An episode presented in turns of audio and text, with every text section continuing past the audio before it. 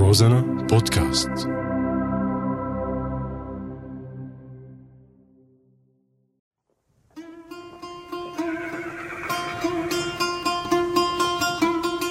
عوالم وأعلام.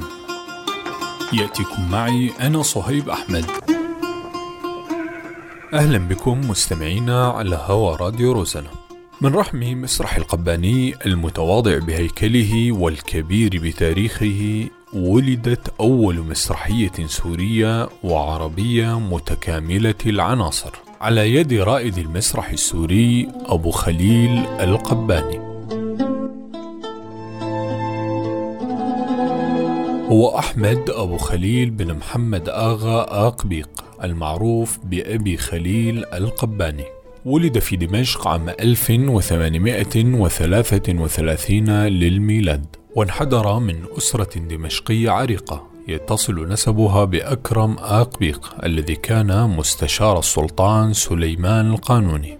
نشأ يتيما بعد وفاة والدته فكفله خاله عبد الله النشواتي الذي عطف عليه وحرص على تعليمه. فأدخله الكتاب في جامع الطاووسية ومساجد أخرى.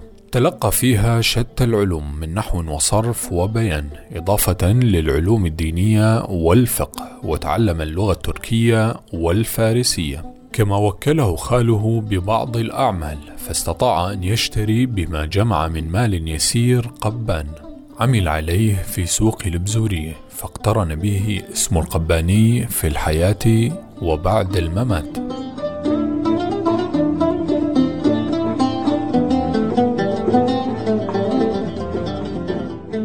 ظهرت عليه بوادر النبوغ والميل إلى الفن والموسيقى وهو ابن الثانية عشرة من عمره. فبدأ مسيرته الفنية بتقديم المسرحيات وتمثيلها في سهرات البيوت الدمشقية العريقة. وقد لاقت هذه المسرحيات قبولا كبيرا لدى المتفرجين آنذاك. ليقدم بعد ذلك أول عرض مسرحي خاص به عام 1871 وهي مسرحية الشيخ وضاح ومصباح وقوت الأرواح واعتبرت بذلك أول مسرحية سورية تحمل مقومات العمل المسرحي الحقيقي. ومن ورائه دمشق كأول مدينة عربية تقدم عرضا مسرحيا.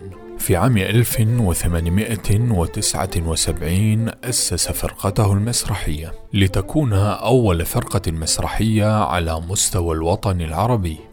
قدم في سنته الأولى حوالي أربعين عملا مسرحيا ووضع الأسس الأولى للعمل المسرحي العربي وخاصة المسرح الغنائي. حيث نقل الأغنية من على التخت الشرقي إلى خشبة المسرح التمثيلي فأصبحت الأغنية بذلك جزءا من العرض المسرحي.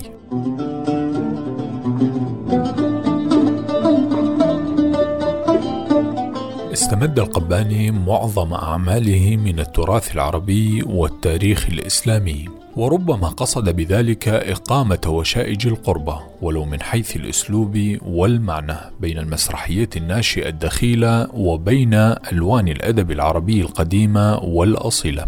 لهذا لم تقتصر عامة مسرحياته على فن التمثيل فحسب بل تجاوزتها إلى الموسيقى والرقص. واستقام خلط الكلام بالغناء بشكل أتم مما ظهر في مسرحياته الأولى. كما فتح المجال لنوع جديد من الرقص الجماعي القائم على السماع مما جعل منه رائد المسرحية الغنائية القصيرة أو الأوبريت في المسرح العربي ومكنه من تحقيق كل ذلك خبرته الفنية الواسعة. فكان من أكبر أساتذة الموسيقى العربية علما وتلحينا وبراعة وأداء فضلا عن كونه أديبا وشاعرا. ألف القباني ثلاثين مسرحية. كان من أشهرها هارون الرشيد وعنتر بن شداد والسلطان حسن وأبو جعفر المنصور وملتقى الخليفتين وأنس الجليس. وحينها شجع الولاة الأتراك نشاط القباني. وخاصة صبحي باشا ومدحت باشا. ولكن كثرت شكاوى حوله أمام السلطان عبد الحميد. واتهم من قبل المتدينين والمشايخ بأنه يغوي النساء والغلمان والرجال وينشر الفسق. وأنكروا عليه إدخال النساء بالتمثيل بعد أن كان يقتصر على الرجال الذين كانوا يؤدون الأدوار النسائية إن وجدت. كما أنكروا عليه خرقه لقيم الأسر الدمشقية المحافظة. بعد إدخال ممثلات أحضرهن من لبنان فقام السلطان على إثرها بإغلاق المسرح.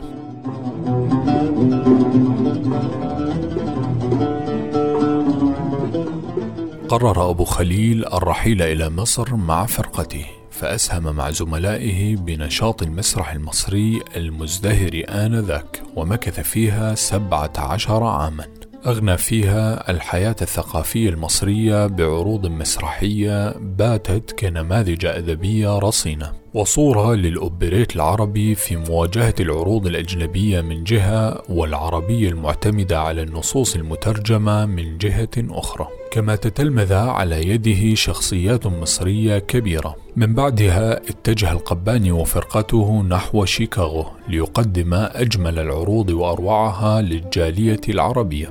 واستمر ذلك ستة أشهر. ثم عاد إلى دمشق عام 1900 وحصر نشاطه بإقامة الحفلات الموسيقية المصحوبة بالأغاني الشعبية مثل يا طير طيري ويا مال الشام وغيرها الكثير إلى أن وفته المنية عام 1903 عن عمر ناهز السبعين عاما ليترك خلفه إرثا غنيا من المسرحيات والموشحات التي لا تزال بعد مرور أكثر من مئة عام راسخة في قلوب الملايين. صهيب أحمد روزنا.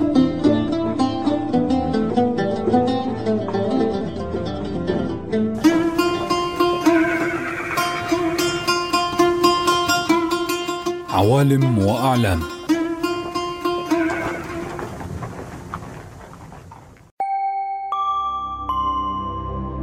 روزانا بودكاست.